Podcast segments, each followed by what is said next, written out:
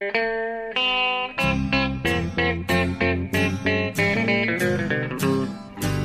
out there, we're on the air. It's hockey night tonight. Tension grows, the whistle blows, and the puck goes down the ice. The goalie jumps and the players bump, and the fans all go insane. Someone roars, Bobby scores at the good old hockey game. Oh, the good old hockey game is the best game you can name. And the best game you can name is... Hallå, hallå, hallå, hallå, hallå, hallå, hallå där, hallå, hallå, hallå. Hallå, hallå, hallå och välkomna till NHL-podcasten. Eh, som nu är så uppe i varv att till och med jag hallå, hallå, hallå. Ja, det, det är nästan första gången i poddens historia. Det tog 294 avsnitt. ja, men eh, man blir så till sig nu. Eh, för att, eh, ja, och jag då som smittas av Jonathans hallå-ramsa är Per Burman i New York. Ja. Och, och Jonathan är Jonathan Ekeliv i Stockholm. Och det där var faktiskt första gången som jag sa mitt namn först. Och ditt... Eh, Ja, det var också två. historiskt. Det var dubbelt historiskt här direkt i, i podden. Ja. Ja, jag brukar vara noga med att nämna dig först. Det är ren artighetshistoria. ja, det är artig och trevlig. Det måste jag verkligen säga. Mm. Det är så fint. Ja. Det här måste jag säga. De gånger jag har hälsat på Per Bjurman i New York och den eh, fina lägenheten där så har jag alltså fått sova i din säng medan du har bemödat dig och, och, och bäddat upp i korrespondenten istället och sovit där. Så att jag har fått Ja. sova i den fina stora sängen. Liksom. Ja, men jag brukar göra så med faktiskt alla gäster. Det blir enklast så eftersom eh, jag i allmänhet är uppe och stökar längre på nätterna än, än mina gäster. Eh, så att då kan de låsa in sig i sovrummet och jag kan vara ute här med TV och böcker och flaskor och eh, så vidare. Jag trodde det var ren eh, hyvens... liksom- Ja, men det, är- det är också det. Man, man tar ju lite poäng där. Ja, det gör man. Det, gör man. det, har, det har, Good, fått mig. Då. goodwill poäng. Goodwill poäng. Du släpper ja, in ondskan där liksom. Det är snyggt. Ja, ja, man är ju rädd också när du är ja här. Jag tänkte det så också. Kanske lite därför. Ja, eh, men eh, ja, vi eh, ska alltså spela in vårt 294 avsnitt av NHL-podcasten och eh, till skillnad från eh, eh, lång stund här under våren och sommaren så är det inte brist på saker att prata om. Nej, verkligen inte. Utan här i liksom april, maj, då fick vi kämpa lite med vad, vad vi skulle fylla ut podden med. Å andra sidan ganska trevligt att dra upp lite nostalgilistor och sånt där och, och fördjupa sig i sånt. Men nu behöver vi verkligen inte göra det utan nu vet jag inte riktigt hur vi ska komprimera allt som har hänt. Nej. Alltså de här dagarna, det känns som att vi hade kunnat spela in fyra poddar sen senast egentligen. Eh, med tanke på hur mycket som finns att gå igenom. Ja, det är verkligen eh, alltså, märkligt att man bara varit igång sedan i lördag så det känns som... Ja, det känns som att man är inne i en virvelvind av bara Stanley Cup-hockey dygnet runt. Ja. Och det känns också som det har pågått enormt mycket längre än bara några dagar. Ja, precis som du säger. Alltså, det är onsdag idag när vi spelar in det här. Eh, Det ska börja ett gäng nya matcher, fem, sex nya matcher så, som vanligt då. Mm. Eh, Och eh, ja, det har varit, vad har det varit 30 matcher någonting sen i, sen i lördag. Så att det, ja, det vi ska gå igenom då, det känns som att det var några veckor sedan. Men det är ju som du säger, det är bara några dagar sedan. Jo. Eh, och eh, intressant idag också, det är mycket nytt idag. För första gången någonsin tror jag så sitter jag inte vid skrivbordet eh, under inspelningen. Utan jag sitter i den berömda korrespondenten och tittar på TV samtidigt. För där spelar just nu eh, New York Islanders och Florida den här onsdagens tidiga match.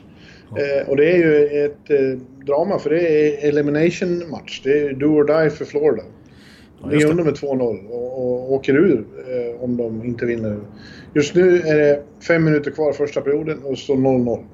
Men det ser ut som Islanders har ett jävla tryck här. Ja, ja, precis. Den matchen kanske kommer lajvas lite lätt här under själva poddens Ja. gång. Även om, Ja, det kommer, det kommer uppdateringar om det händer något eh, anmärkningsvärt. ja precis, även om ni som lyssnar på det här nu säkert har full koll på vad, vad den matchen slutade. Men vi, vi, vi live i själva sändningen här måste ju, måste ju följa med.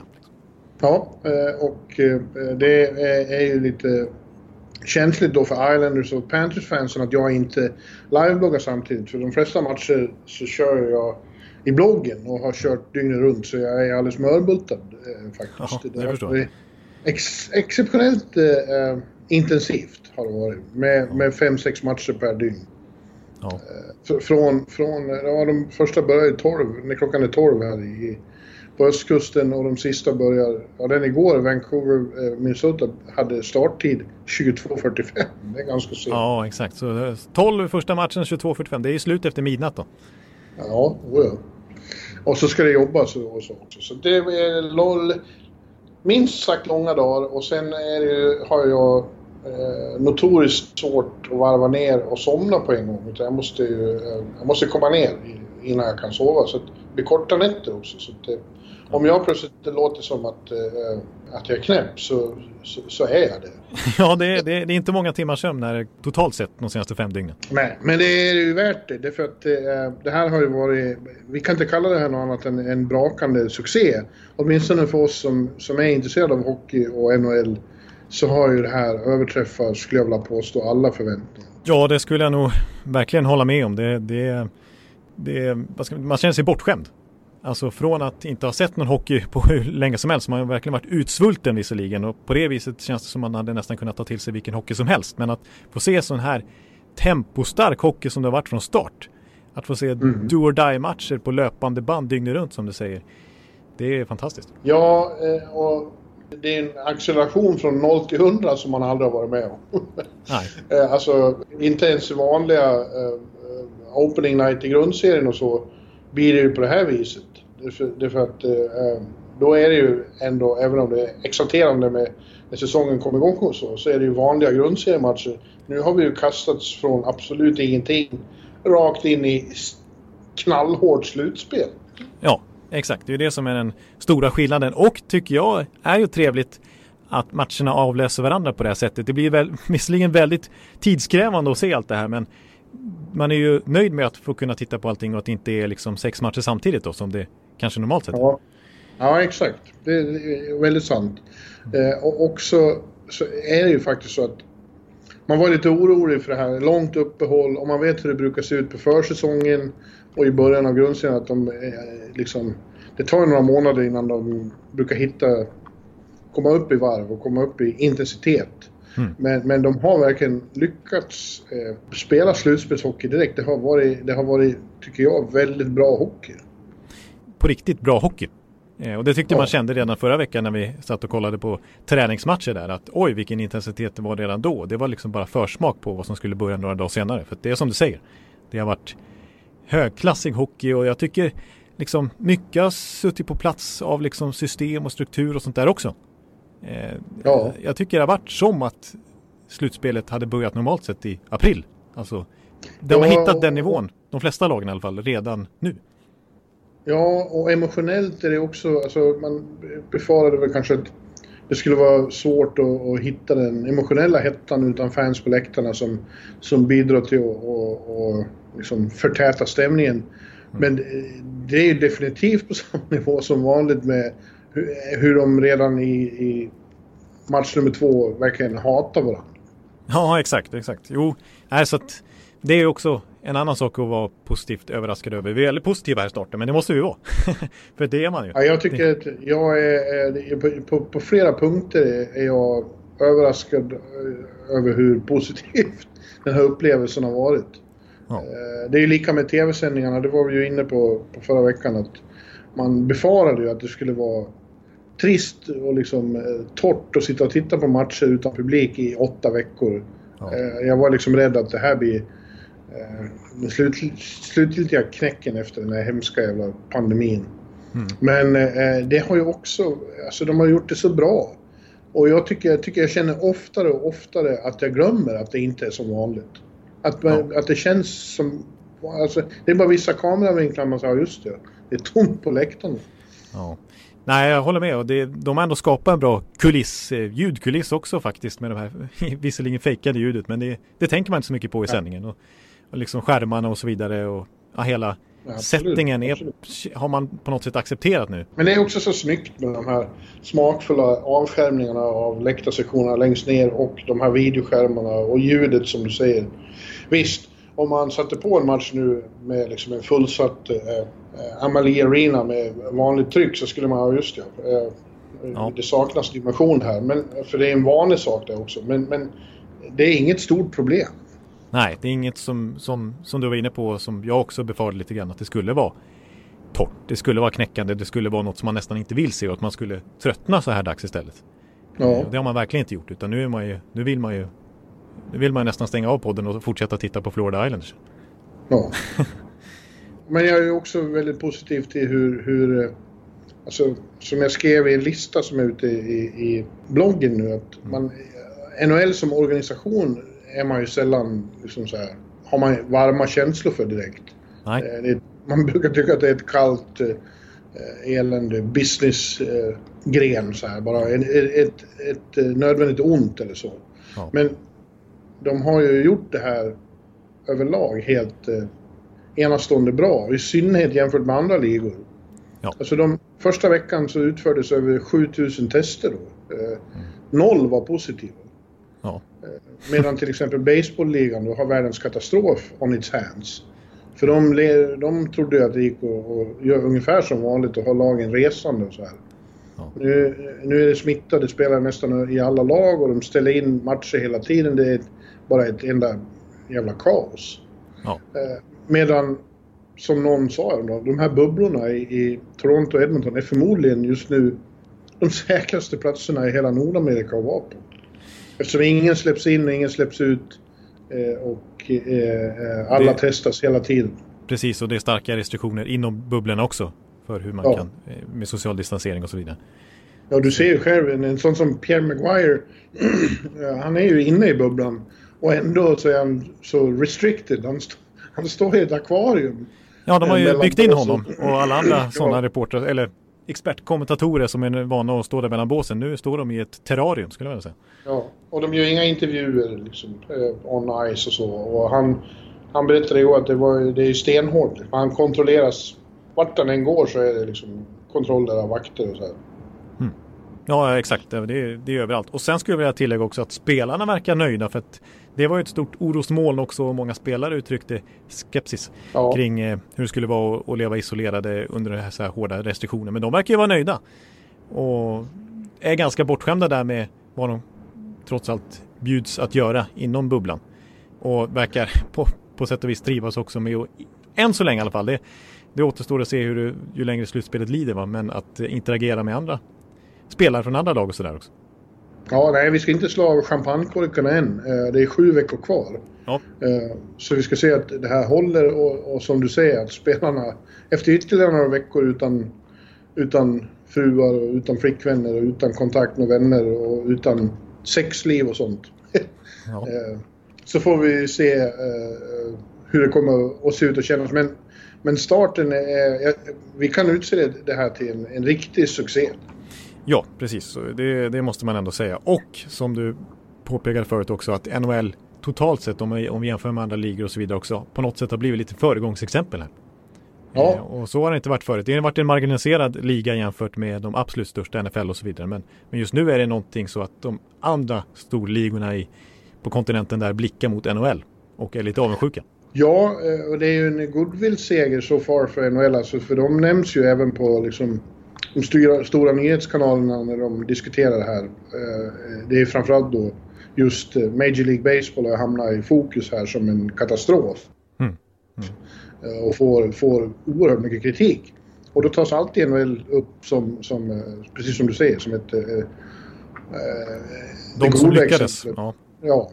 Hur man gör när man är smart och sensible och, och har förstått vad det här handlar om. Mm. Ja. Så det. Eh, Gary Bettman blir King of Kings nu. Ja, precis. Och inte ens kommer han bli utbuad när han eh, skickar bucklan till någon i och med att det inte är någon publik. Så att... Du ska se att de har hittat på något kul med det också NHL för att skoja med honom. De har ju till och med folk som slänger ut hattar. Ja, uppenbarligen. När, när McDavid gjorde hattrick så hade de ju en kepskvinna som eh, ja. sprang ner till plexiglaset och kastade in massa kepsar. Så de har tänkt på det mesta. Nu är det periodpaus i, i Toronto mellan Islanders och Panthers och det står fortfarande 0-0. Ja. Eh, ju, ju, längre det står det är sämre för Florida tror jag då.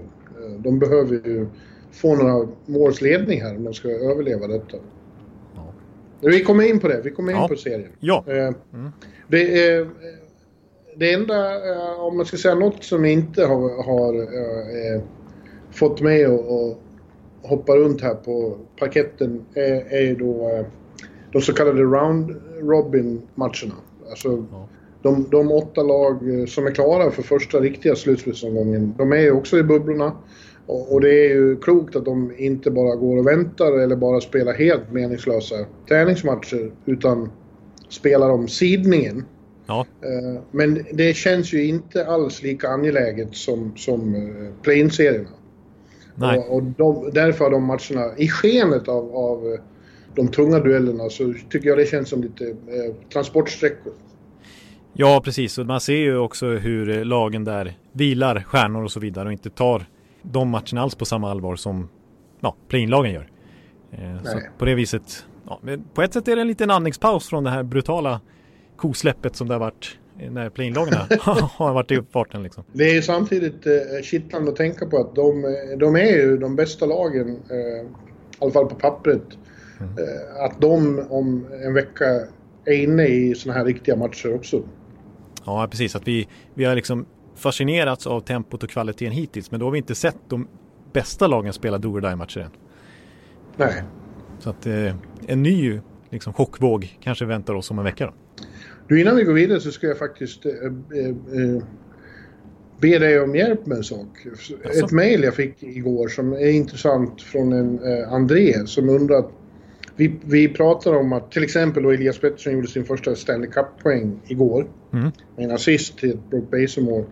Uh, är, är de här play-in-matcherna, är de officiellt statistiskt Stanley Cup-matcher? Uh, han, han undrar ju då, apropå, kommer, kommer det här att vara i, i Elias career totals? Ja, precis. Ja, det är, så är det ju. Det här räknas som slutspelsmatcher, play-in-matcherna. Eh, det, det, är så? Det är Stanley Cup-matcher, precis. Det är officiella siffror. Så ja. Eh, till exempel, ponera att eh, Edmonton Oilers går långt här. Eller Carolina Hurricanes kan vi ta som exempel där Sebastian Aho redan gjorde åtta poäng på tre matcher mot New York Rangers. Mm. Eh, när slutspelet började och alla egentligen börjar på noll, då börjar Sebastian Aho på åtta poäng.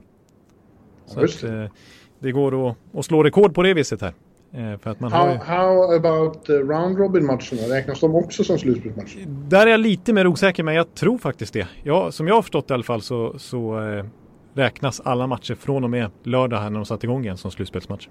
Ja, ja intressant. Då vet vi det. Nu ska jag mejla André för han var, han var lite upprörd också. Tyckte att det var oklart om det varför sådana som jag inte visste sånt där. Jaha. ja. Det är ju många sådana mejl ibland. Eh, det var andra mejl igår också om att jag, eh, jag är en stor idiot som håller på att skriva om det här överhuvudtaget. Ja, Ja, jag såg, också, jag såg också det i bloggen. Du la, la ut någon som skrev att eh, var, varför håller på överhuvudtaget att rapportera om den här skiten? Ja. Ja. ja. ja. Luften är fri, man får tycka vad man vill. Man behöver ju inte titta, man kan titta bort. ja, det kan man göra faktiskt. Men vi, vi tittar gärna i alla fall. Ja, vi gör ju det. Det är räddningen den här jävla sommaren. Och jag är faktiskt inne på om vi ska titta lite nu på serie för serie. Vissa kanske vi går igenom lite mer noggrant och vissa kanske vi pinnar förbi lite snabbare. Men då tar vi ju play-in-serierna. Vi struntar lite tills vidare i de här round robin-lagen. Så tyvärr för mitt ja. Tampa så, så kommer vi inte prata så mycket om dem i det här avsnittet utan det tar vi först nästa vecka när det är dags för slutspel. Absolut. Mm. Uh, och vår vana trogen börjar vi med öst, tycker jag. Uh, ja. Och allra först så tar vi den serie som faktiskt är, är klar redan. Uh, för att ja. Ja, nu, nu, gjorde jag bara så. Jag hoppas du ursäktar. Ja, det är okej. Okay. Det, det, var lite oväntat eh, utifrån eh, klassiska alfabetiska ordning här. Men, men eh, ta den som först är klar. Ja, det är faktiskt. Det, ja, det var ju då eh, Carolina Hurricanes mot New York Rangers. Där eh, Carolina igår, igår kväll, tisdag kväll fullbordade en sweep. Man tredje raka har slagit ut Rangers. Rangers är första laget som får lämna bubblan och de är väl hemma på Manhattan nu vid det här laget. Ja. Eh, för det är tydligen så att NHL vill att de som åker ur tar sig hem så fort som möjligt. Eh, ja. Så blir det mer space. 52 människor är borta i bubblan. Den blir lite lättare att hantera. Ja. Eh, och eh, ja, eh, det är... Det finns, det finns inget att invända mot att, att Carolina slog ut Rangers. De var klart bästa laget i alla tre matcherna. Ja, precis. Det känns man får börja med att lägga lite fokus på Carolina som ju varit ett stort utropstecken. Eh, ja. För visst, de var väldigt bra i fjolårets slutspel och de sweepade bort Islanders till exempel då och de började med att slå ut de regerande mästarna Capitals och vi fascinerades över deras tempo, deras Brindamore ettriga hockey. Mm. men, men då kändes det som, som liksom underdog som, som bet sig fast och, och, och, och var, hängde kvar och, och irriterade större motståndare. Nu kändes de dominanta på ett annat sätt. Ja, de var ju klart bättre överlag i den här serien. Det kändes som att Rangers spelade grundseriehockey. Och att eh, ja, det, eh, Carolina var den där elaka storebror som du brukar snacka om, som spelade slutspelshockey. Ja, ja verkligen. De, de manövrerade ut Rangers totalt. Eh, med, med, med, större erfarenhet av hur det går till de här gångerna. Ja, och även om de inte liksom varit dominanta på det här viset i, i grundserien. De började visserligen säsongen jättebra. Kommer ihåg i oktober då när de flög ut på samma sätt i grundserien då och ledde ju NHL efter första veckorna. Eh, mm. Men jag skulle nog vilja säga att det inte är helt orimligt att påstå att det här Carolina-laget är snäpp bättre än vad de var i fjol när de överraskade oss alla. För nu är det ju faktiskt så att den här unga, ja, till stora delar i alla fall unga kärnan med Sebastian Aho, med Teuvo Tereveinen, med Andrei Svetjnikov som är inne på sitt andra år nu i NHL. Har ju blivit ett år äldre, ett år klokare, ett år bättre. Eh, och ett år ja. mer erfarnare efter fjolårets erfarenhet. Ja, absolut. Alltså den, de tre ja. eh, var ju liksom... De är ju superstars. Eh, och jag har hållit på att tjata nu i några dagar om, om eh, framförallt Aho då, att om han spelade på en större marknad, om han var i Toronto, då skulle han vara ett, NHLs, ett av NHLs största affischnamn. Ja. Han är precis lika mycket elit som en Austin Matthews. Utan tvekan. Vilken, vilken underbar liten hockeyspelare han är. Ja. Ja, jag tycker han påminner lite grann om Elias Pettersson. Ja, fast en mer rutinerad Elias ja. Pettersson. Ja, precis. Han har kommit längre. Det är inte bara det att han har helt äh, skills och, och, kan utföra konstnummer som det tredje mål han gjorde mot Rangers igår.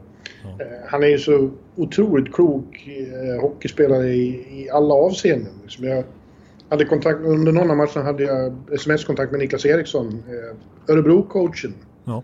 Du vet, min gode vän. Ja, absolut. Och han var, helt, han var helt lyrisk över det, han kallade honom en, en, en tränares dröm.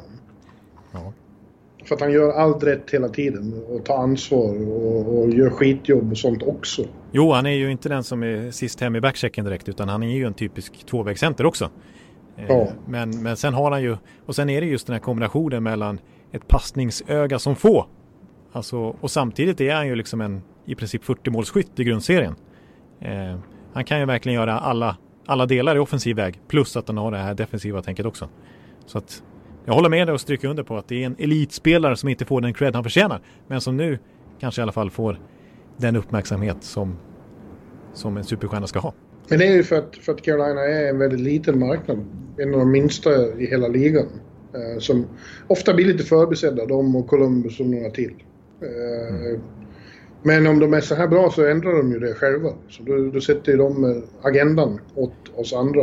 Ja, precis, och nu när det inte spelas sex andra matcher när de lirar så kan man ju verkligen kolla på Carolina. Ja, exakt. Hela hockeyvärlden får upp ögonen. Liksom. Men även Svesjnikov som du nämnde då.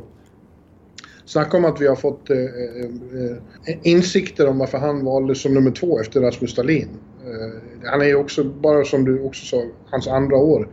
Han håller ju också på att bli en sann superstar. Ja, precis. Och han är lite bortglömd tycker jag också, inte bara för marknaden i Carolina där utan överhuvudtaget. Han, han fick ju inga rubriker just sitt draft då direkt i och med att allt handlade om Rasmus Dahlin som var given etta. Eh, mm. Men Svechnikov var ju faktiskt given tvåa. Och många hävdar ju att så som Svechnikov dominerade på junior, juniornivå så hade han förmodligen gått etta om han hade varit med i Nico Hischier-draften 2017 och med stor sannolikhet utmanat Kakko Hughes som han faktiskt går etta i fjol och 2019 om han hade varit draft eligible då istället. Men nu gick han ju Dalin året och då pratar man bara om honom. Eh, men... Ja, och så, och så far får man ju lov att erkänna att han har gjort en eh, större impact än vad Rasmus har. Ja, faktiskt. Och den här säsongen alltså nästan en poäng per match i grundserien. Ja.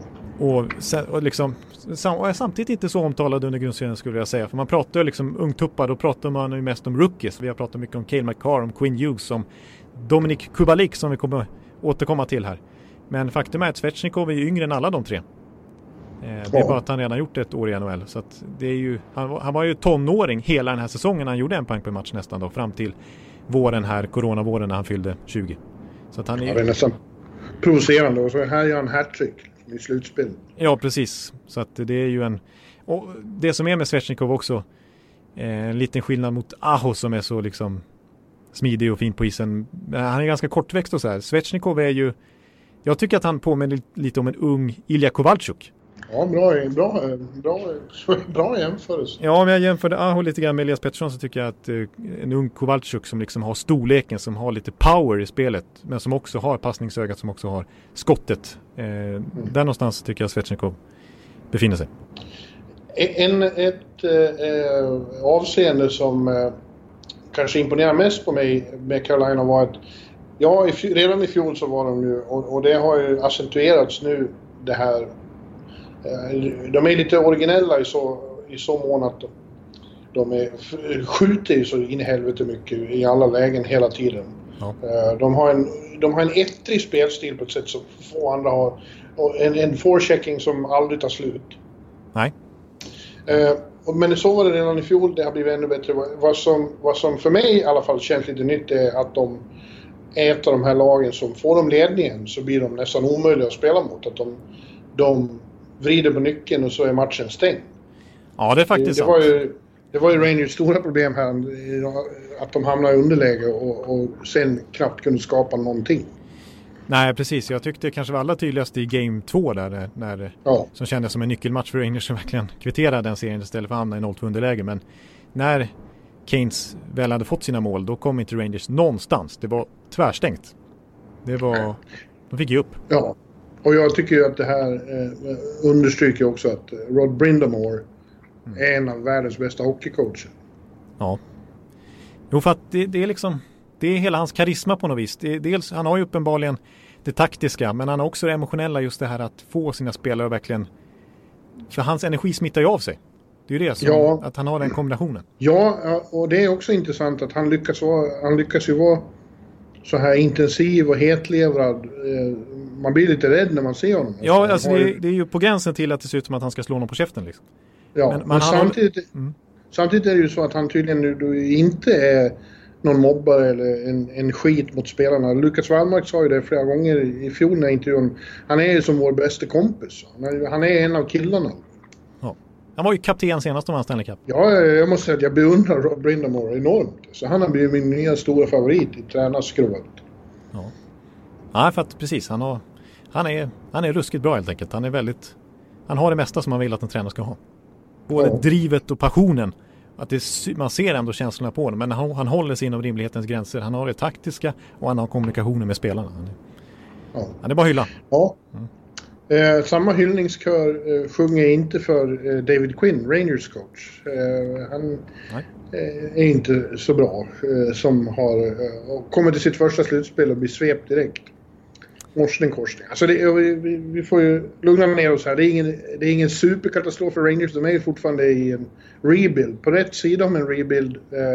så att de tar ju med, med, med, lite distans till det här så tar de det som bra erfarenhet för många unga killar som gjorde sitt första slutspel. Samtidigt går det inte att komma ifrån att det är ett litet fiasko och, och, och förlora tre raka direkt eh, mot Carolina Hurricanes. Eh, ja, återsamlas och, och, och, gå in i den här bubblan och så tar det slut på fyra, fem dagar. Ja, de är först ut och får åka hem igen. Det, är, det kändes lite som ett lite patetiskt faktiskt framträdande i slutspelet av, av Rangers. Eh, och ja. ja. Det stora problemet var att de kom inte i närheten av den form de hade när grundserien eh, avbröts. Mm. De, eh, framförallt deras bästa spelare, Mika, eh, Panarin och Kreider eh, var inte... Ja, Kreider i sista matchen eh, mm. visade ju lite huggtänder. Men eh, i övrigt eh, så, så var de bleka och resten av laget var ju bara förvirrat. De hade ingen aning om vad slutspelshockey var för någonting. Nej, och här tyckte jag det blottades lite Rangers brist på djup som de inte har nått än eftersom att de fortfarande precis håller på att gräva sig upp i rebuilden. Um, så, så har de ju inte ett, en komplett trupp.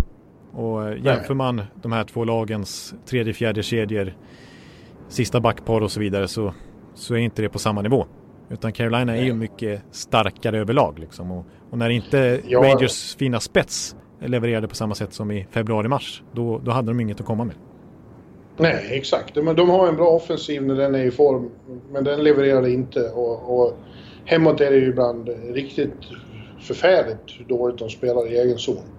Och det kunde ju Carolina exploatera enormt. Också intressant dock på presskonferensen igår, just Kreider, eller Göran Greider som, som ja. rättstavningsprogram vill att han ska vara. Eh, ja. Han pratade om att de kom ifrån sitt spel. Eh, han, han, sa det här är intressanta. Han fick frågor om att de, de eh, vann i, i hits då. Eh, att de tacklades mer än Carolina. Mm.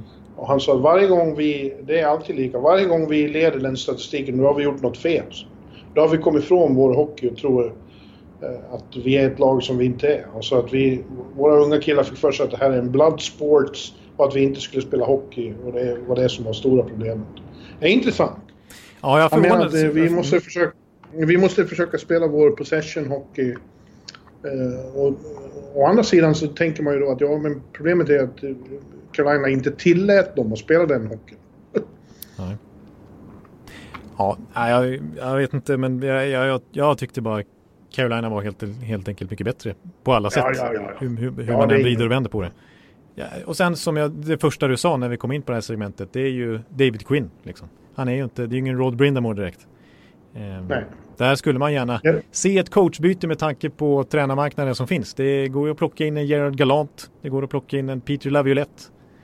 Det... Ja, det känns som Galant skulle vara perfekt eh, att forma de här unga killarna framöver. Den här ja. college-tränaren de har nu, han är ju in over his head. Han är ju ingen NHL-coach. Jag rankade alla coacher i slutspelet här Han var ju klart sist. Ja. Jag tror att det tog vi med alla, alla de sju lagen som inte är med här också. Den enda som skulle komma bakom honom tror jag är din gamla favorit Bob Buffner. Ja, just det. så vi kanske ska låta bli att försöka uttala Ja, det, det där uttalet tror jag inte var helt korrekt, men vi ska inte försöka på något annat heller. Det kan bli ännu mycket mer. Nu har vi fastnat väldigt mycket i den här serien, men det är, en, det är en, ett moment till som vi måste eh, ta i och det var ju, vart ju mycket fokus på, på målvaktssituationen då. Att eh, Sjistorken kunde inte stå de två första matcherna och Henke eh, stod dem. Och ja. gjorde vi ingen succé där då. Eh, han var inte, det var inte huvud... Oj, nu höll Islanders på att göra mål. Andra perioden har börjat här. Ja, ja.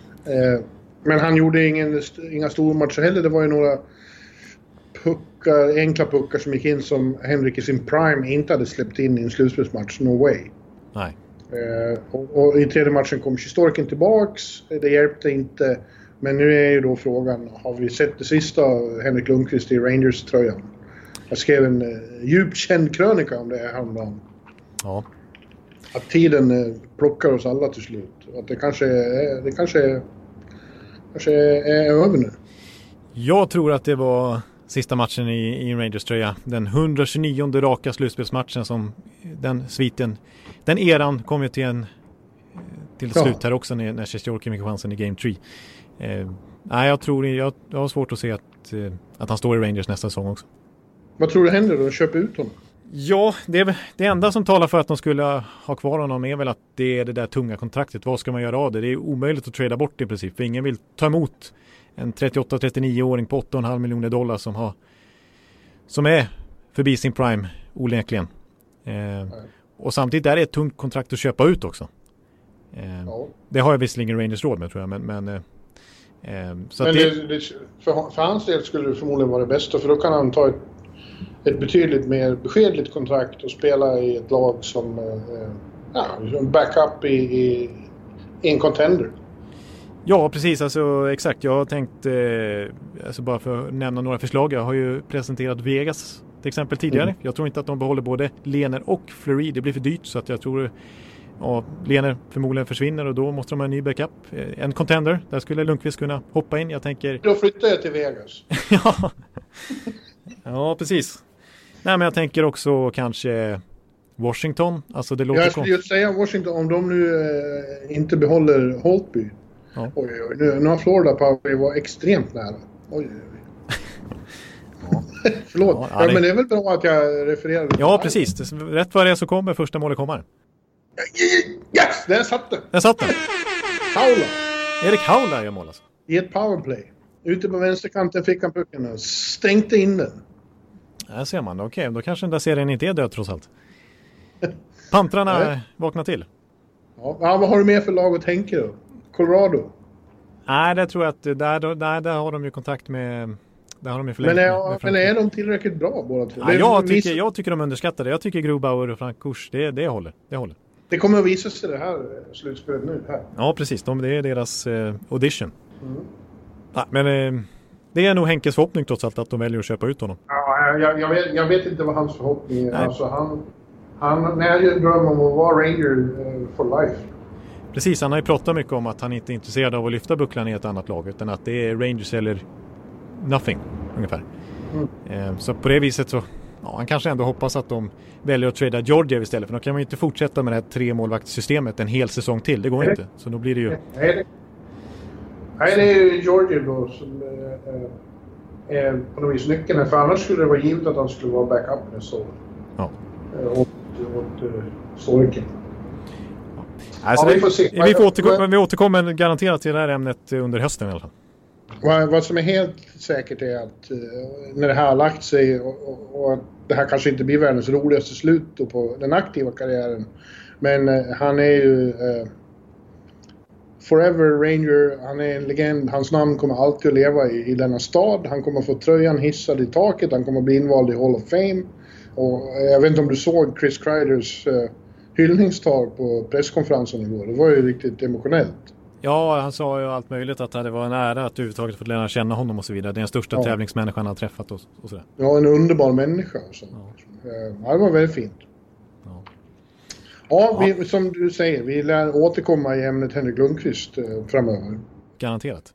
Men du, eh, vi kan ju ta den här serien nu då som jag sitter och tittar på. Ja. Eh, ett annat eh, New York-lag. New York Islanders, Florida Panthers, där eh, det har gått bättre för det här New York-laget kan man säga.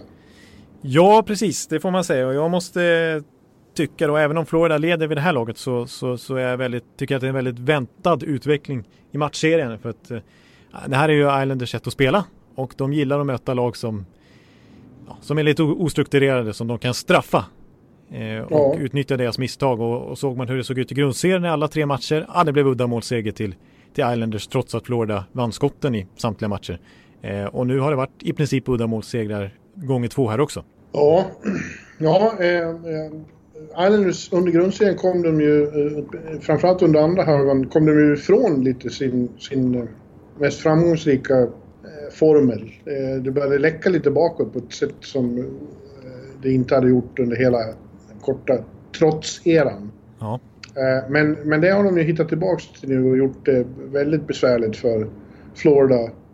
Som ju ändå har en, det har vi pratat om, en härlig dynamisk offensiv. Men de har de inte fått mycket uträttat med. Nej, jag, jag måste säga att redan från eh, genrepet där, där de åkte på 0-5 mot Tampa så redan där tycker jag att de kändes lite oinspirerade. Jag tycker ja. att det känns som att de inte riktigt har trott på det att de ska vara där länge, att de ska vinna Stanley Cup utan att det har varit så, det, så skulle de absolut inte uttrycka det själva men det har varit lite nödvändigt ont att dyka upp där i Toronto.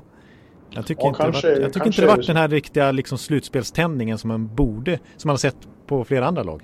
Nej, det kanske stämmer. Det kanske, är, det kanske också är ett problem. Men framförallt så är det ju samma problem som vi har sett förut. Att de, de har ju ett par kedjor som är riktigt, riktigt vassa Eh, men de har ju ingen eh, defensiv struktur och det är så konstigt att det har tagit...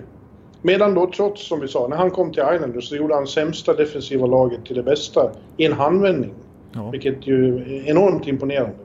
Ja. Och man trodde ju att eh, Quenville då, Mr Stanley Cup, besatt samma förmåga. Men det har han ju inte alls gjort med Panthers. Nej, de, de ser lika röriga ut som i fjol. Ja. Mm. Det är förvånande. Ja, och det är inte bara Bobrovskis fel då som ju varit årets flopp. Men, men, nej, men det har, han har inte varit bra heller. Nej, han har inte nu... räddat upp det direkt utan han har ju nästan förvärrat det själv. Ja, jag som, eh, han, är, han har ju blivit ett litet objekt för mig i och med att jag hade honom i fantasyn där. Så nu kallar jag honom för Bobrovski. Och det var hårt. Det var hårt. Oj, oj, oj. Ja. Bobrovski. Alltså. Det var nästan vulgärt. Han är den stora röven för mig. Var det vulgärt? nej, det kanske Ja, nej men... Eh, nej, men jag, jag, ja, jag, jag, måste ändå säga det att, jag har påpekat det tidigare under säsongen, eh, Quenville, nej, det, jag, jag, tycker också lite desperat där. Vi har inte fått se Lukas Wallmark spela någonting hittills. Eh, nej. Och... Säga skall dock att av det här jag ser nu på, på TVn medan vi pratar så är det här Floridas klart bästa match i serien. De ser väldigt angelägna ut idag. Ja, det är, det är åtminstone positivt. Men jag tycker så här, Mark Pysyk, alltså defensiv back, han har ju Quenville skolat om till, till ytterforward helt plötsligt här. Alltså det, ja, jag vet inte riktigt vad, vad Quenville håller på med för att försöka få det här Panthers-laget att uppfylla sin potential. Liksom. Och Wallmark är med idag. Han är med i alla fall. Ja. ja, men, men äh, Islanders, den hockey de spelar äh, verkar ju vara gångbar nu alltså i slutspelet. Äh, det är en intressant eh, tendens som vi kommer att nämna fler gånger i andra serier här. Eh, om att, eh, du vet, det var, eh, det var ju några år när, när även slutspelet kom att präglas av framförallt snabba, skickliga lag. Ja. Mm. Eh, de som inte är lika snabba och skickliga har ju kommit ikapp där nu och hittat sätt att och, och kväsa lagen som inte har tillräckligt mycket tyngd och fysik och så. Det, det är ju ett, en tydlig tendens att, att Columbus, Minnesota, den typen av lag eh, har... Är med i matcherna? Har, ja, har hittat ett sätt att hantera de här possession-lagen. Mm. Det är en ständig dragkamp. Eh, det, det, går i cykler eh, vilken stil som, som är den mest eh, gångbara. Ja. Det är inte, intressant. Ja. Det, är som en, det är som ett katt och råtta-spel mellan polis och, och gangsters. ja, lite så faktiskt. Har bäst teknik. ja. Ja, nej, mm. ska vi absolut inte räkna ut. Alltså, när de spelade som bäst i vintras hade de ju 17 raka med poäng. Så att, eh. Ja, deras eh, problem, på, oh, nu är de väldigt nära en kvittering. Eh, de har ju ingen särskilt vass offensiv. Nej, utan de har ju Matt Barzal som kan trolla och, och visst Jordan Eberle och Anders Lee och Bovillier och så vidare. Brock Nelson, det är okej, okay, men det är inte riktigt på samma nivå som de andra riktiga contenderlagen kan ställa upp med. Nej. Därvid liknar de ju, har de mer att säga om just den här serien? Nej, jag tror vi får gå vidare. Jag märkte nu att eh, det är ju nämligen så att jag sitter, egentligen sitter jag på jobbet så att jag, de, de är ju lite angelägna att få, få tillbaka mig på jobbstolen. Eh, så att ja. vi, vi kanske får rappa på lite grann här. Men vi kanske inte kan prata lika länge som om Rangers och, och, och, och Carolina om alla serier. Nej, Nej det kan vi inte. tyvärr. Men eh, när vi är inne på Islanders och, och de här tendenserna jag pratar om, eh, att eh, en viss sorts brunkarhockey hamnar i strålkastarskenet här första veckan. Mm. Så eh, Toronto Columbus eh, är en intressant serie därvidlag. För där är det verkligen två olika filosofier som krockar. Ja, det är nästan de största motpolerna som du säger. Det är kanske det absolut mest utpräglade possession-laget. Sheldon Keefes ja. Toronto Maple Leafs och Kyle Dubas lagbygge där mot eh, John Tortorellas Columbus då. Ja. Eh, och i första matchen så lyckades ju Columbus verkligen, ja de kvävde Toronto. Ja. Det, var ju, det, det, är inte världens roligaste hockey att se, det ska ingen säga, men det är imponerande. Att de, kan, eh, att de kan dra ner tempot och att de kan krogga igen mittzonen och att de kan se till att det runt egna kassen blir så trångt så att, så att man det är lika jobbigt som att ta sig in i NHL-bubblan. Liksom. Ja, det är lika jobbigt som att ta sig fram i rusningen under normala tider här på Manhattan, på tunnelbaneperrongen. Ja. Det är omöjligt.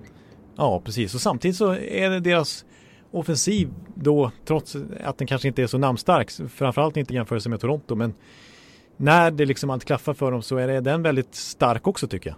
Alltså, de är snabba på att ta sig in på mål, de hugger in returer, de är jobbiga att möta. Så i, i Tampa-serien i fjol till exempel så ja, det, var ju, det var ju snarare Columbus tror jag som vann skotten totalt sett jämfört med Tampas hypervassa offensiv. Ja, ja efter, efter första matchen mot Toronto så tänkte man ju väldigt mycket på Tampa-serien i fjol. Ja. Eh, det, det kändes precis likadant. Otroligt frustrerande för Toronto för de... Alltså, ja, i den matchen så hade de till och med svårt att, skapa chanser då, men, men eh, de fick inga. Nej. Eh, och, och när de väl fick det så visar sig plötsligt att Jonas Korpisalo är, är Vessina värdig målvakt också. Han, han har ju varit bäst i målisen hittills. Ja, det måste man säga. Båda de här två matcherna. Det var ju en helt annan match, Game 2 som vi kommer in på. Men, men Korpisalo har ju varit fantastiskt bra och lite oväntat kanske att, han, att de ställde honom i kassen med tanke på Elvis Merslikins stora succé. Ja. Senast vi kollade på NHL-hockey i, i vintras och våras. Eh, och när de skrev nya kontrakt där i våras båda två. Eh, båda fick nya tvåårskontrakt. Elvis fick 4 miljoner dollar per säsong. Korpisalo fick 2,8 miljoner per säsong. Och det var ju någon slags signalement om vem som är första valet. Eh, mm. Och ändå så är det Korpisalo som står här och som du säger Vessina-Messi. Alltså otroligt ja. bra. I, I match två då så lyckades ju Toronto ändå eh, efter att ha blivit frustrerade i första matchen. De lyckades ju ändå skingra den där eh, folkmassan i, i, i Columbus-zonen och skapade betydligt mer och var verkligen relentless i att pumpa, pumpa, pumpa med chanser och så. Men då var ju Korpisalo helt fantastiskt. Det, kändes, det såg ut ett tag som han kommer att knäcka dem. Men ja. till slut fick de ju hår på honom och, och uh, possession-hockeyn uh, triumferade till slut. Ja. Uh, och det var ju deras, deras allra bästa spelare som, som klev fram. Det var Matthews och Tavares som gjorde mål. Ja. ja. Ja, jag, jag var väldigt imponerad över den Toronto-matchen och jag såg att i lokalmedia och vissa spelare kallar det för den bästa matchen för säsongen. Ja. Och väldigt otypiskt Toronto tycker man eh, deras historia, eh, liksom sen, senast de vann en titel för över 50 år sedan. De brukar liksom vika ner sig lite när det, när det går emot och bli frustrerade. Och, och tänka på att de inte passerat första rundan i slutspel sedan 2004 och så vidare. De har då framförallt inte vunnit en kupp på hur länge som helst. Eh, men eh, de, blev, ah, de var inte frustrerade alls i Game 2 och de var inte ens det trots att de sköt och sköt och sköt som du säger. Alltså det stod ju 27-8 i skott ett tag och ändå var det 0-0. Eh, Men till slut kom målet och det var ju otroligt rättvist att de vann den matchen. Och ja, jag måste säga det. Alltså, det var lite Columbus hockey. Det var samma intensitet. Det var bättre intensitet än vad Columbus bjöd upp på. Alltså när, när man får den inställningen, den buy-inen från hela laget. Eh, mm. Plus den skillen som de besitter. Då är det ju minst ett par snäpp till än vad Columbus har förmåga att komma upp i. Ja, men det, det, vad de måste visa nu är att de kan behålla den intensiteten. Att de inte bara blir förnöjda med att de faktiskt vann en match. Eh, att de inte blir nöjda, det har ju varit lite problem med dem. Att de, att de inte förstår att man måste spela sin bästa hockey precis hela jävla tiden i slutspel. Nej. Nej precis, så det, är det, det är den stora frågan då, om de kan fortsätta på den här inslagna vägen eller om de ramlar tillbaks i Game One-tempo. Ja, men det är också att, att Columbus är så här bra och att de utmanar. Det är ju en, det är eh, ett kvitto på hur fantastiskt bra John Tortorella är som tränare nu. Det är bara så. Han har lyckats eh, med eh, en brandskattad trupp och utan särskilt stora namn. För, vi ska komma ihåg, det för vi ska komma ihåg det. Det, det liknade Tampa-matchen som sagt då i Game 1. Och det var minus Pananin, det var minus Bobrovski, det var minus Matt Duchene. Ja. Det var minus... Ja, minus. Det var minus helt enkelt.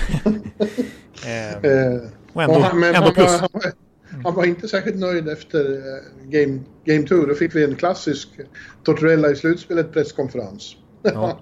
När han tre gånger sa Toronto played great, we sucked. det var hans analys liksom. Ja. Allt han ville säga. Som, han vill inte ge någon, någonting när det är playoff. Det är väldigt... Normally being a little extra can be a bit much. But when it comes to healthcare, it pays to be extra. And United Healthcare makes it easy with Health Protector Guard fixed indemnity insurance plans. Underwritten by Golden Rule Insurance Company, they supplement your primary plan, helping you manage out of pocket costs without the usual requirements and restrictions like deductibles and enrollment periods. So when it comes to covering your medical bills, you can feel good about being a little extra. Visit uh1.com to find the Health Protector Guard plan for you. Mycket Tortorella. Men eh, vi hoppar väl in då i, i den sista östserien. Ja, eh, Pittsburgh-Montreal. Mm. Eh, och i, i, i någon mån eh, lite besläktad så tillvida att eh, Montreal eh, framförallt i första matchen frustrerade Pittsburgh rätt ordentligt också med, med, en, med en väldigt eh, bra defensiv. Deras eh, ruffa, eh, ärrade tuffa backar gjorde en, stod för en heroisk insats i den matchen. Ja. ja. Petri och de här. Ja, absolut. Och, och Carey Price i kassen som såg ut som den Carey Price man man, han har rykte om sig att vara. Eh, som har gjort att han faktiskt tre år i rad eh, Trots att han statistiskt inte hängt med på samma nivå och inte i sina nomineringar och så vidare ändå tre år i rad av spelarna själva utsätts till den svåraste målakten att göra mål på. I den här stora NLPA-enkäten. Eh, och, han, och han har varit svår för Crosby och Malkin och gänget att överlista men i nuläget står det 1-1 i matcher då. Eh, och det kommer att ha spelats en till innan vårt avsnitt här släpps. Så vi får se hur det går i den.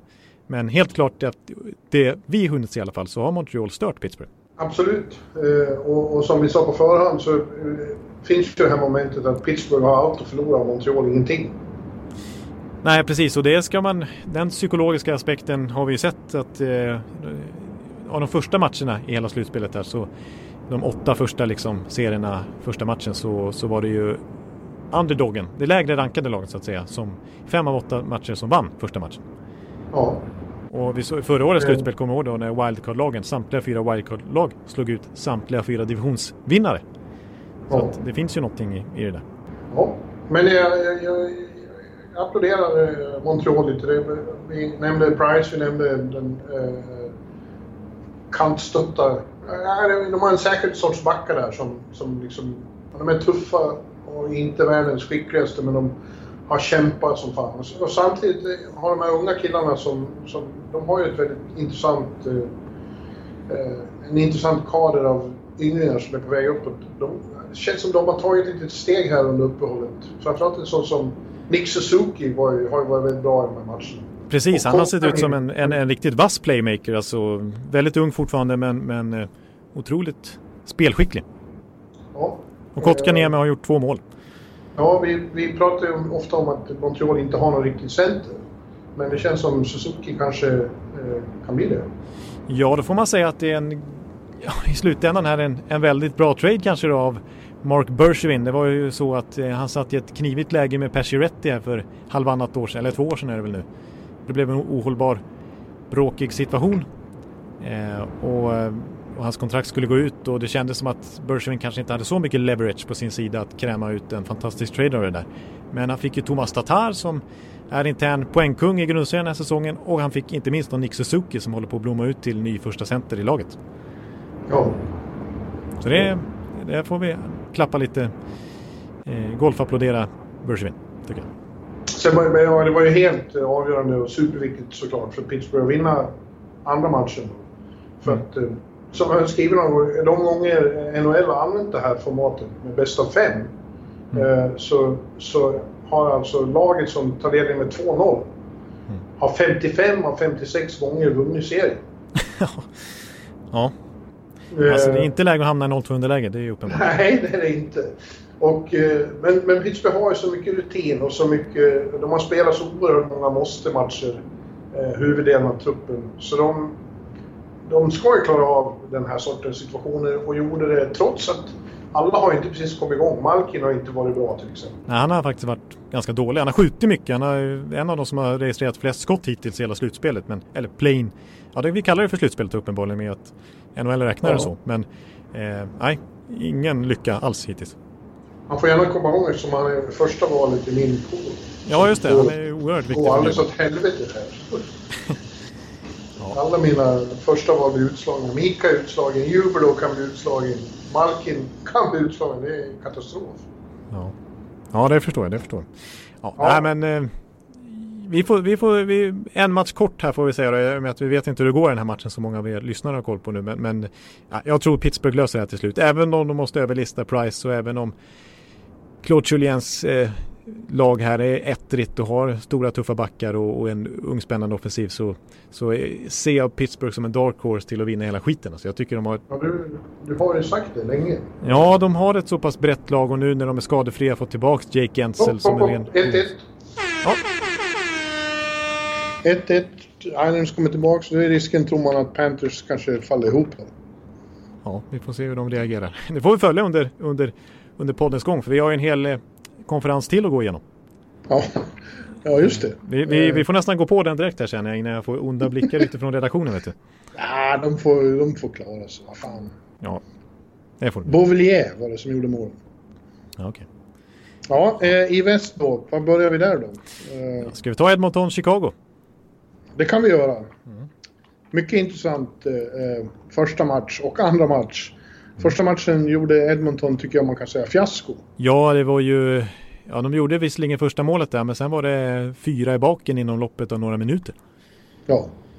Eh, och den matchen kändes ju död direkt nästan då. Ja, och, och världen eh, kastar sig över dem och så ni har bara två spelare, resten är bara skit. ja. Medan Chicago då, som befinner sig i Montreal-läget, de har inte någonting att förlora heller. Ja, verkligen inte. Eh, de eh, sålde vid trade deadline och liksom kom torva och hade börjat se framåt. Men nu har ju kul. Eh, de har sin fina core. Jonathan Taves kliver alltid fram när det är slutspel. Och mm. man får ju säga att Dominik Kubalik hade en hyggligt framgångsrik slutspelsdebut. Fem poäng gjorde Karl. Ja, precis. Det var som du skrev i bloggen där att eh, det kändes lite grann som att jag tyckte det var en bra liknelse att eh, man precis lärt sig något, eh, ett par ackord och då skriver man eh, Born to Run. Ja. Får in en hit direkt och ja, Kubalik har varit en, en stor succé. Ja, om jag snöar in lite på honom så måste jag säga att det är en så typisk Chicago-värvning det här.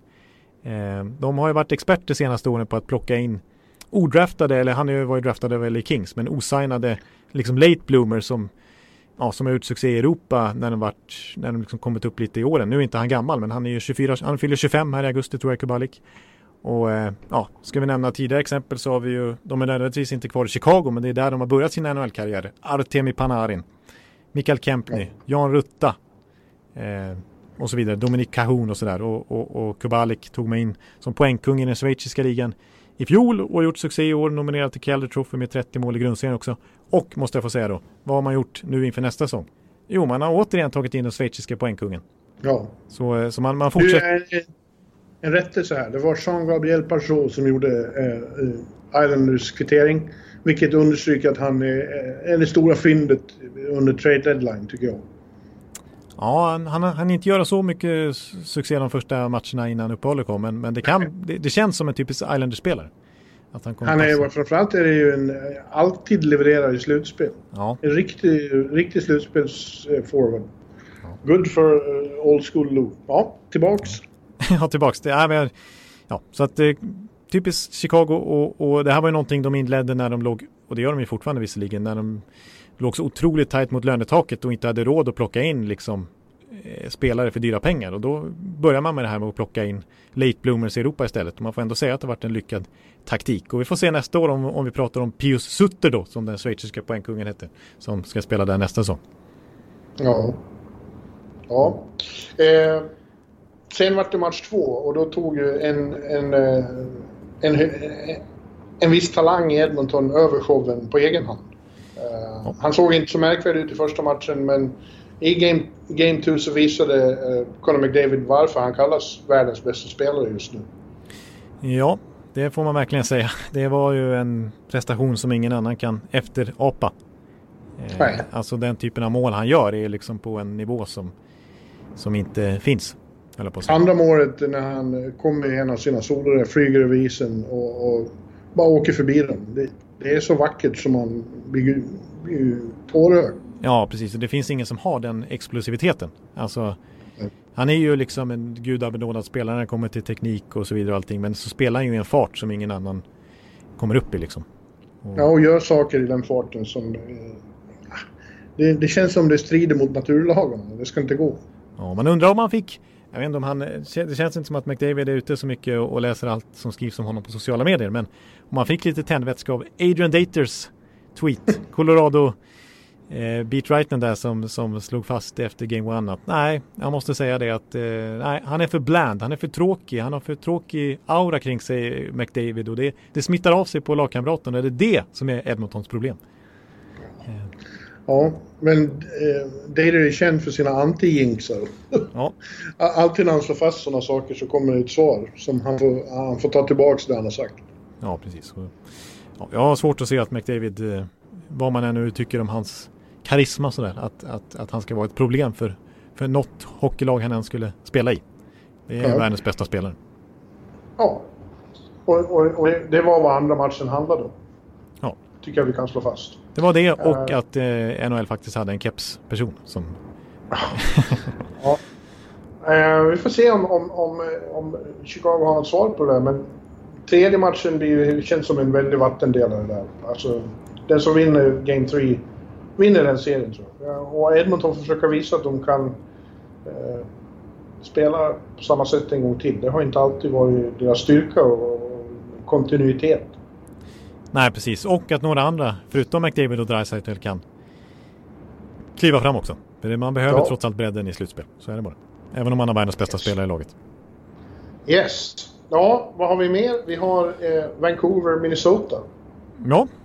Eh, eh, det, det, är också intressanta kontraster mellan Game 1 och Game 2. Jag tyckte att i första matchen så såg man väldigt tydligt vilket lag det var som hade slutspelsrutin och vilket som inte hade det. Eh, Canucks såg ut som eh, ett grundserielag. Lite skärrat över... De har hört om att det är stor skillnad på, på grundserie och slutspel men de hade inte riktigt fattat hur stor skillnad. Och, Nej. Eh, de de var vilsekomna på isen. Framförallt deras bästa spelare. Ja, inklusive... Friläge? Nej, nej. ja, inklusive Pettersson och så här. Det, det, det, var ingen bra outing från Vancouver i Game 1 och tvärtom från, från Minnesota som kändes riktigt heta från start och kompakta. Och... Ja, de, var ju, de gjorde Columbus-match. Liksom. Spelade på Columbus-sättet. Precis, och, och, och Alex Daylock var lite Jonas Korpisalo i kassen också och ja, bommade igen. Ja, verkligen. Ja. Uh, och, och Kevin, han är fjalla bra. Ja, det måste du få säga. Det har du, nu, nu var det inte lika, nu, nu har du köpt att den är 4 plus. Ja, jag har ju fått lov att göra det eftersom alla tyckte att det var en sån miniklassiker. Jag hör om den hela tiden. Ja, Fjälla bra säger de. I, i, I bloggen skriver alla nu som du. Fjälla bra. Så jag har också börjat med det. Ja men så trevligt. Det är första gången jag har fått eh, liksom, lite, lite kärlek från lyssnarna på det viset för ett skämt. Alltså, annars brukar jag få mycket kritik själv. Men eh, det var trevligt. Tack så mycket. Ja, ja men eh, det intressanta kontrasten jag pratade om då är att på väldigt kort tid så förvandlades Vancouver till Game 2. Såg ut som ett helt annat lag igår kväll. Ja. Eh, när de ju också eh, kvitterade serien. Mm. Eh, och, och, i synnerhet då eh, Top 6 spelade mycket, mycket bättre. Ja, precis. Ja, Vassar, eh, Pettersson och JT Miller är en jävligt bra kedja. Ja, ja det är bara att, bara att slå fast. De har kemi. Ja. JT Miller har vi knappt pratat om tycker jag sen han tradades från Tampa till Vancouver och många tyckte det var ett överpris med ett första val för honom. Men han, han var ju faktiskt poängkung i grundserien före Pettersson. Och ja. eh, såg väldigt bra ut i Game 2 här också. Eh, men annars, annars, annars måste jag ändå säga när vi pratar om Pettersson att jag tycker att det har varit en ganska småful serie det här. Eh, från start. Ja. Eh, vi hade i första matchen där när Michael Furland sperade Ryan Hartman in i, in i båset. Ja. Eh, och igår slog Pettersson ner honom. Precis, och det var det som hände i Game 2 då. Då var det Pettersson som har blivit väldigt hårt tilltagen här. Alltså det, Minnesota har ju helt uppenbart mm, liksom inställda på att gå hårt åt, åt honom.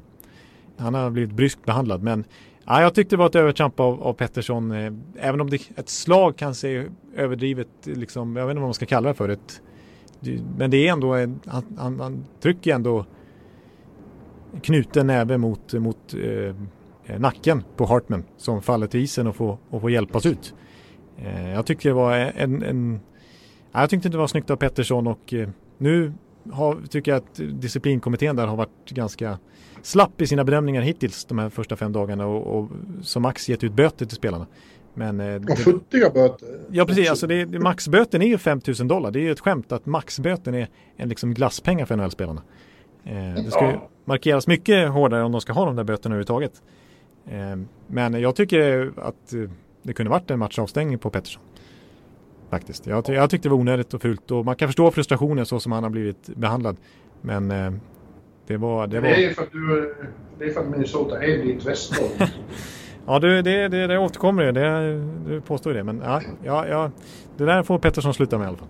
Ja, men det är också så väldigt intressant att fortsätta vilken, vilken, vilken stil som kommer att vara eh, vägvinnande i nästa match.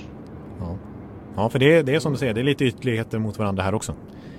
Eh, men eh, Vancouver, en lovande match två i alla fall som, som gör att man får... Ja, starkt, starkt jobb av Sure Travis Green och, och, och, och få till den scenförändringen i laget, tycker jag. Ja, precis. Att de inte tappar tron på det bara för att de blir nollade och ganska utspelade i match 1 utifrån förväntningarna och, och ändå komma tillbaka på det viset i match 2 och köra över Minnesota lite grann. Ja, det blev ju 4-3 till slut, men det var ju några mål av han som är för jävla bra på slutet då. Som snyggade till siffrorna. Ja. Apropå fult så har det ju minst sagt varit lite eh, diskussioner om vad som har hänt mellan Winnipeg och, och uh, Calgary också. Ja. Uh, i, i, första matchen då så uh, vart ju Mark Scheifele svårt skadad, fast inte så svårt som vi befarade först. Uh, när han fick uh, Matthew Kachucks skridsko på vaden. Skar sig på något vis och såg ut att ha fruktansvärt ont. Och efter matchen så hävdade då Paul Maurice, Winnipeg-coachen, att, att det var avsiktligt. Det var filthy, disgusting. Ja, det var hårda ord. Han var ute efter att skada honom. Han var ute efter ja, att förstöra var, hans karriär. Ja, det var ett, ett av de, ja, det kanske hårdaste angrepp jag hört en tränare uh, gå efter en motståndarspelare. Ja. Inte ens när, när Matt Cook trampade uh, hälsenan på Erik, vilket var en ganska liknande incident alltihopa. Ja, så, var så, var så, så, så antydde, antydde Ottawa att eh, de trodde att Cook hade gjort det avsiktligt. Men så hårda ord var det inte.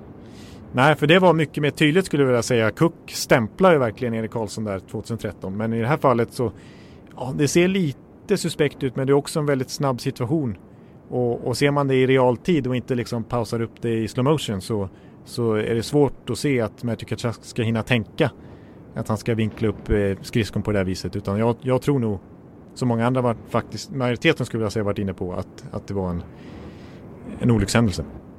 Ja, eh, det blir ju i och med att det var med Matthew, som, som Jeff Ward så hade det varit eh, Johnny Gaudreau hade nog inte Maurice sagt det handlade om vem, vem Kachak råkar vara också. Han, är inte, han har inte världens bästa rykte. Nej, det är ju, det är ju framförallt det det handlar om. Alltså när Ketchak har ju trots allt en förmåga att hamna i sådana här situationer och, och diskussioner.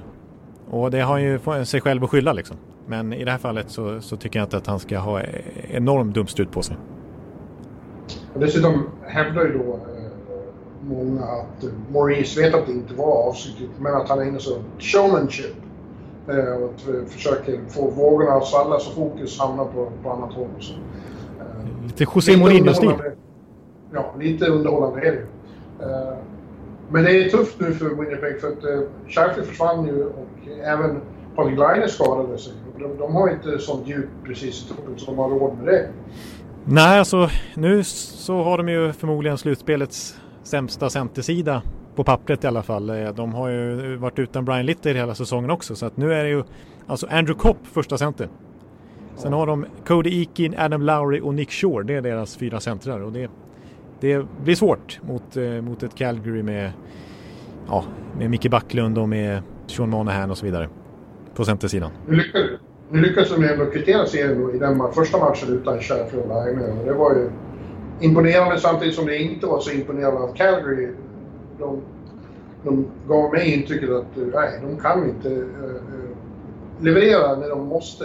Men de kom tillbaka i Game 3 och var desto mer resoluta. Och, och, och vann mycket övertygande. Ja, det blev 6-2 till slut i den matchen. Och det, ja. ja, som jag ser det, om inte liksom Winnipeg blir lite mer friska här så, så ska inte Calgary kunna förlora den här serien. De är med respektive manskap som de har på isen just nu ett klart bättre, mer skickligt hockeylag. Och, och trots och till, och med, till och med Johnny Gaudreau börjar ju mål i slutspel. Ja, faktiskt. Han har ju till och med gjort eh, två mål nu. Ja. Så eh, nej, ja, det, här, det här Calgary kommer, kommer nog gå vidare. Så är det. Ja. Vad har vi kvar nu då? Vi har, ja, vi har bara en, en till här. Det, det känns lite vemodigt att behöva plöja igenom det så snabbt. Men vi tar sista matchen här nu och det är ju Nashville mot Arizona. Ja, just det. Som spelar snart också, så där missar vi också en, en match. Men det, när vi ja. pratar om det här så står det 1-1 i matchen. Ja, och jag har lovat eh, mina läsare att då ska jag vara med i den matchen igen och, och, och, och stå i. Ja. Eh, och eh, ja, eh, Nashville gjorde en, riktig skitmatch nummer ett. De var eh, förvånande efter att man hade sett den där träningsmatchen och tyckte det kändes som eh, Predators eh, har, har friska och hela hittat hitta tillbaka till sitt vägvinnande sätt igen och så går de ut och gör en riktig skitmatch. Eh, de börjar spela först sista 15 minuterna. Dessförinnan var de otroligt bleka. Ja. ja. Men ja, jag måste säga att eh, jag tycker ändå utifrån hur båda matcherna sett ut att, att Nashville känns starkare. Ja, i, i, i andra matcher var det betydligt bättre. De var inte särskilt bra i första perioden då heller. De avlossade fem skott, men de gjorde två mål. Ja. Och sen tog de över helt och eh, man börjar se ändå att eh, till exempel Jofa-kedjan eh, har något på gång. Eh, Ryan Hansen var bra för en gångs skull. Ja, bara en sån sak. Han som till och med själv har gått ut och erkänt att han är kass. Han har varit det senaste åren. Ehm, men ehm, nej, jag är lite besviken på på något sätt på båda lagen. Jag tycker ändå Nashville har kommit upp i den högsta nivån så som de såg ut då i Game 2. Men jag var, trots att Arizona som vi sa då, du sa att liksom de vann ju ganska övertygande i match 1. Men spelmässigt tyckte jag inte att de imponerade så mycket heller. Det var mer att Nashville inte, inte alls kom upp i nivå då. Ehm, så att jag tycker båda lagen har mer att komma med och utifrån det vi har sett hittills så är det på pappret starkare Nashville bättre också. Alltså jag, jag tror att ja, de, är på väg åt, de är på väg åt rätt håll. Ja. Så de fick en, en, ett lyft när Arvey fick på sin fruktansvärda slägga i, i andra matchen. Dunka ja. in ett och sina... Det där har man sett några gånger. Vilken jävla skott han har. Ja, det tror man inte att han kan klämma ur sig ur den där förhållandevis lilla NHL-kroppen. Men han har ju ett stenhårt skott alltså. Ja, det har han verkligen. Uh, vi kan också konstatera att Jussi Saros nu är första målvakt i Nashville. Han har stått båda matcherna. Pekka Pinne är, backup nu. Det är, ju så. Kommer man upp i viss ålder. Uh, jag har ju dragit in Johnny Cash i inspelning av låten God's gonna cut you down. Ja. Sooner or later, God's gonna cut you down. Det gäller oss alla. och ingen, ingen förblir supermålvakt forever. Inte ens Pekka Pinne. Nej, han det är Rinne som han, jag vet att han heter Rinne men jag kallar honom för Pinne. det är så kul. Ja, precis. Eh, nej, han, eh, han hade ju inte en lika imponerande extrem slutspelsräcka av eh, matcher i följd som Lundqvist, men näst, nästan till i alla fall. Så det är ju en liten era som tog slut där också när faktiskt Saros nu uttalat får, får starta ett slutspel som första keeper. Vi glömde nämna det. Det är ju, alltså, om Lundqvist, det är ju faktiskt en helt otrolig svit. 129 slutspelsmatcher i rad han startar för Rangers.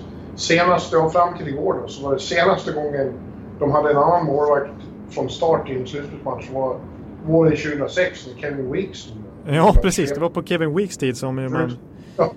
enbart känner som tv-expert nu liksom. Mina första slutspelsmatcher överhuvudtaget någonsin, våren 2006 ute i Meadowlands, Devils Rangers. Och, och Devils svepte ett orutinerat Rangers. Men Rangers hade vunnit President's Trophy tror jag. Eller åtminstone de var ett topplag i, i grundserien och sen var det bara godnatt och adjö. Ja, det var, det var länge sedan kan man säga i alla fall. Det säger lite grann om hur dominant Henke varit under sin NHL-karriär i alla fall. Ja, ja men eh, Nashville, du tror att Nashville tar den här serien?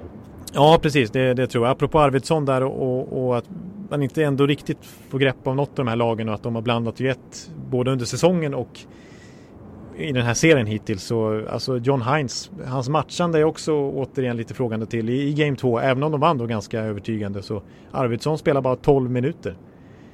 Filip Forsberg spelar 14 minuter. Rocco Grimaldi spelar mer. Eh, Craig Smith spelar mer. Så jag förstår inte riktigt. Jag tycker ja. inte de utnyttjar sina resurser till max. Alltså. John Hines var näst sist på den här listan av rankade coacher i slutspelet. Han var det? Ja. Jag, jag, jag tycker inte alls han är. Jag förstår inte vad, vad Oil, som är så ja. dramatisk, han borde, han borde sparka honom mitt under slutspelet och ta in uh, Galant. ja, det är nästan. Det hade varit någonting. Ja, Om han agerade på det viset och, och, och, Galant visserligen måste sitta några dagar, 14 dagar i, karantän då kanske. För ja. Men det är nästan värt det. Ja. ja. Men innan du får gå eh, mm. och innan Kristoffer Glader, din chef just nu, får tillbaka dig Mm. Så har vi lovat, så länge det här pågår nu så tar vi ut en All-Star femma varje vecka. Ja. Jag behöver inte gå in så mycket på så, så du inte blir ihjälstressad. Men namnen, och jag har min femma klar här. Ja, men, vi, vi gör så att, vi, att du radar upp din. Jag har också en, en femma, men ta din först. Ja, i mål har jag Korpisalo. Mm. Eh, mitt backpar är Seth Jones och Jared Spurgeon. Med Jeff Petrie som backup. Ja, ja. Eh, och jag tar, jag tar inga round robin möglag. Utan det här är plain-spelare. ja. ja, det är, jag, jag köper det. Mm. Jag flyttar ut Sebastian Aho på en kant eh, och sätter honom ihop med Conor McDavid som center och på andra sidan har vi eh, Svestikov. Ja, då var, det, då var det trots allt väldigt lika lag vi har. Eh, ja. De, de där tre forwardsarna var nästan omöjliga att peta måste jag säga. Det, det, man måste ha med alla de tre. Ehm, och de har vi pratat väldigt mycket om. Så att, eh, det är tydlig motivering där. Ehm, jag har också Korpisalo i kassen. Ehm, men på backsidan har jag två andra. Mm. Jag har tagit Jacob Slavin faktiskt från Carolina. Trots allt spelat tre minuter fler än, per match än någon annan i det där Carolina-laget och är ju navet för defensiven. Och sen har jag mitt kontroversiella val som du kommer eh, tycka är, är fel. Och det är ett round... Heiskanen ja, från Dallas. Eh, bara jo, spela... förstår jag, men jag, jag vill inte ta några round robin-spelare. Jag tycker inte de spelar under samma förutsättningar. Nej. Ja, och dessutom har han faktiskt bara spelat en match hittills när vi spelar in det här, så det är väldigt lite att basera på. Men han, trots att Dallas till och med förlorade den matchen så var Heiskanen väldigt dominant, låg ju bakom alla tre Dallas mål. Och eh, ser ju mer och mer ut som en eh, snart Norris-kompatibel back. Men Seth Jones då? Han har ett sätt. han, har ett, han har ett sätt av, eh, av kvaliteter. Det, det, det, det ja. köper jag. Ja. Ja, ja, du, du säger det som sätt, eh, alltså eh, ett sätt av, av saker. Jag, jag, menar att han har ett sätt att spela hockey. Jaha, du menar så? Ja, så kan man säga också. Ja, det har han. Han har ett speciellt sätt. Nej, jag tycker han har varit enormt dominant. Han är en... Eh, Torrell har ju rätt när han säger att det är åt helvete att han alltid förbises i Norris Trophy-diskussion. Det är också en sån där... För att, för att Columbus är en så liten marknad som så få bryr sig om dem.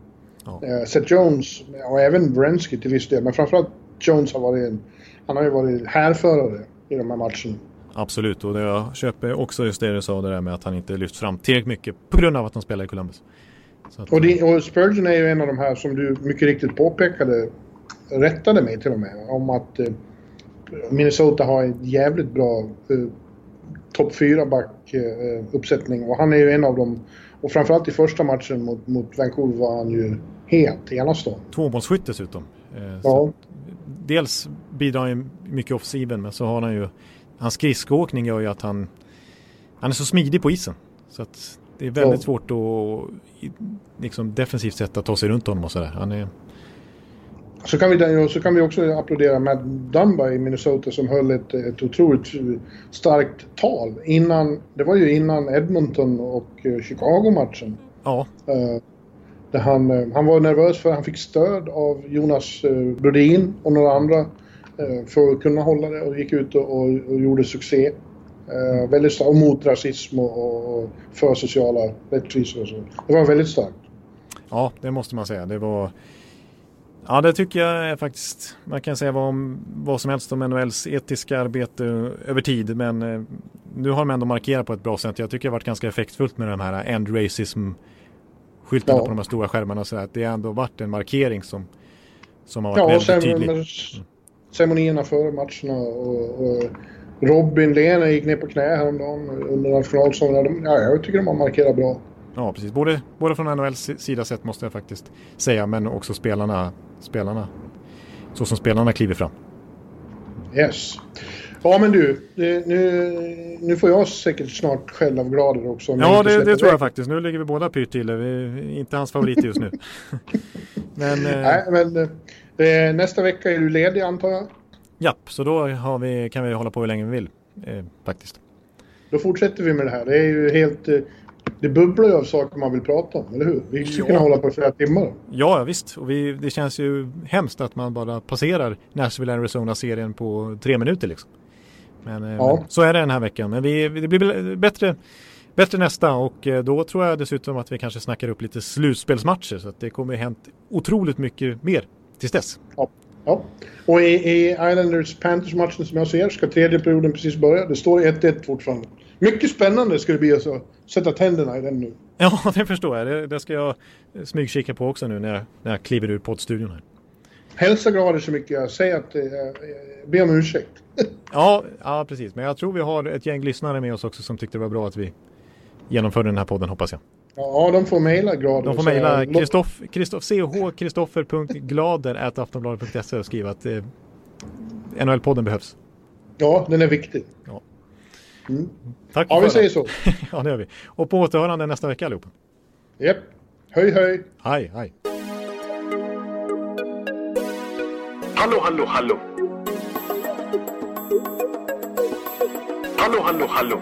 Alex Chiazot, Joe Luis Arena och Esposito. Esposito. Uttalsproblem, men vi tjötar ändå. Och alla kan vara lugna, inspelningsknappen är på. Bjuder Hanna Kohl, han är grym i sin roll. Från Kållesoffan har han fullständig kontroll på det som händer och sker. Det blir ju allt fler som rattar in hans blogg. Och lyssna på hans podd. One, two, time, speed, so Hallå, hallå, hallå. One, two, time, speed, so Hallå, hallå, hallå. Ekeliv, som är ung och har driv. Verkar stor och stark och känns allmänt massiv. Han hejar på Tampa och älskar Hedman. Sjunger som Sinatra. Ja, och där ser man. Nu är det dags för refräng. Dags för magi, Victor Norén. Du är ett geni. Så stand up at home and remove your hats. Höj volym, för nu är det plats. One, two, time, speed, so Hallå, hallå, hallå. One, two, time, speed, so Hallå, hallå, hallå.